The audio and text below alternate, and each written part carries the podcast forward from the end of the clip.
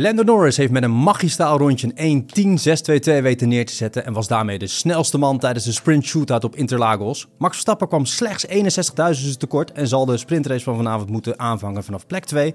En Sergio Perez zal achter hem starten op de derde plek. Aan het einde van SQ1 viel de rode vlag en dat had te maken met een crash tussen Esteban Ocon en Fernando Alonso. Het duo kwam elkaar tegen bij het uitkomen van de Senna S en Ocon leek de achterkant van zijn Alpine te verliezen en kwam op die manier tegen de Spanjaard aan. Beide mannen konden hun weg niet meer vervolgen en het momentje wordt op dit moment nog onderzocht door de stewards. In SQ2 waren het de mannen van Mercedes die in de gevarenzone stonden, maar met het vallen van de vlag en op de valreep wisten die nog door te stoten naar de top 10 kwalificatie. In de top 10 kwalificatie hield iedereen de kaart dicht bij de borst. Met nog een paar minuten te gaan kwam het hele veld de baan op en het was uiteindelijk Lando Norris die de pole position wist te pakken. Er kunnen echter nog wel veranderingen komen op Interlagos. Norris moet zich namelijk nog melden bij de steward, evenals Yuki Tsunoda.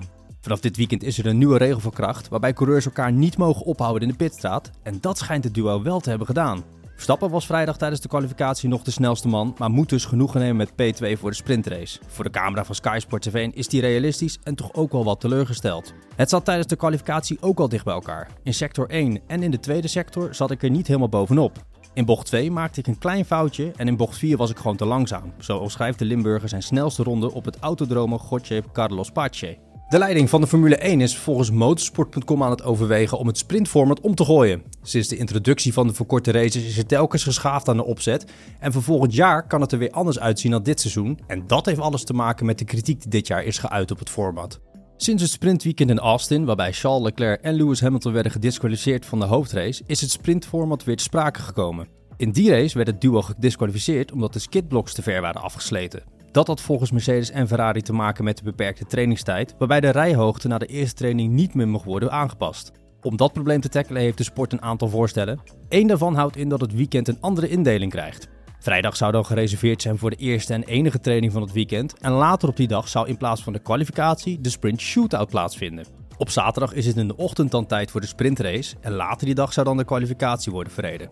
Hierdoor zou er een mogelijkheid zijn om na de sprintrace de Park Vermeer-regels open te zetten, waardoor de teams daarna alsnog mogen sleutelen aan de wagens.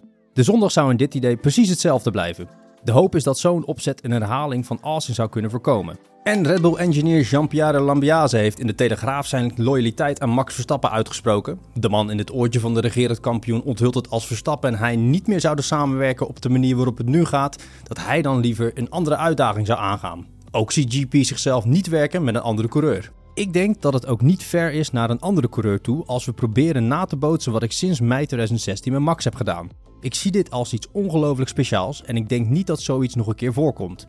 Daarnaast is het duo zo nu en dan tijdens de live feed te horen en dat kan er fel aan toe gaan. Maar Lambias benadrukt dat dit precies is zoals hij het wil hebben. Hij is duidelijk, to the point. Zo is hij grootgebracht. Zijn vader Jos heeft hem geweldig opgeleid. Die taak neem ik een heel klein beetje over op het circuit, door mijn verantwoordelijkheden als engineer.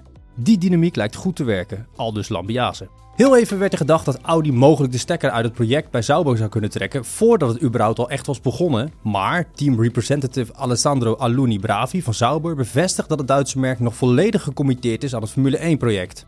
Bravi benadrukt bij racefans dat de toewijding vanuit Audi er duidelijk is. Audi heeft een sterke betrokkenheid bij de Formule 1 en natuurlijk ook bij Sauber. Deze toezegging komt niet alleen voort uit een besluit van de Raad van Bestuur van Audi, maar ook van de Adviesraad van Audi en de Raad van Toezicht van Audi Volkswagen. Het is dus een groepsbeslissing en de toewijding is er, zo legt hij uit. Audi zit dus volgens Bravi nog voor de volle 100% in het Formule 1-project.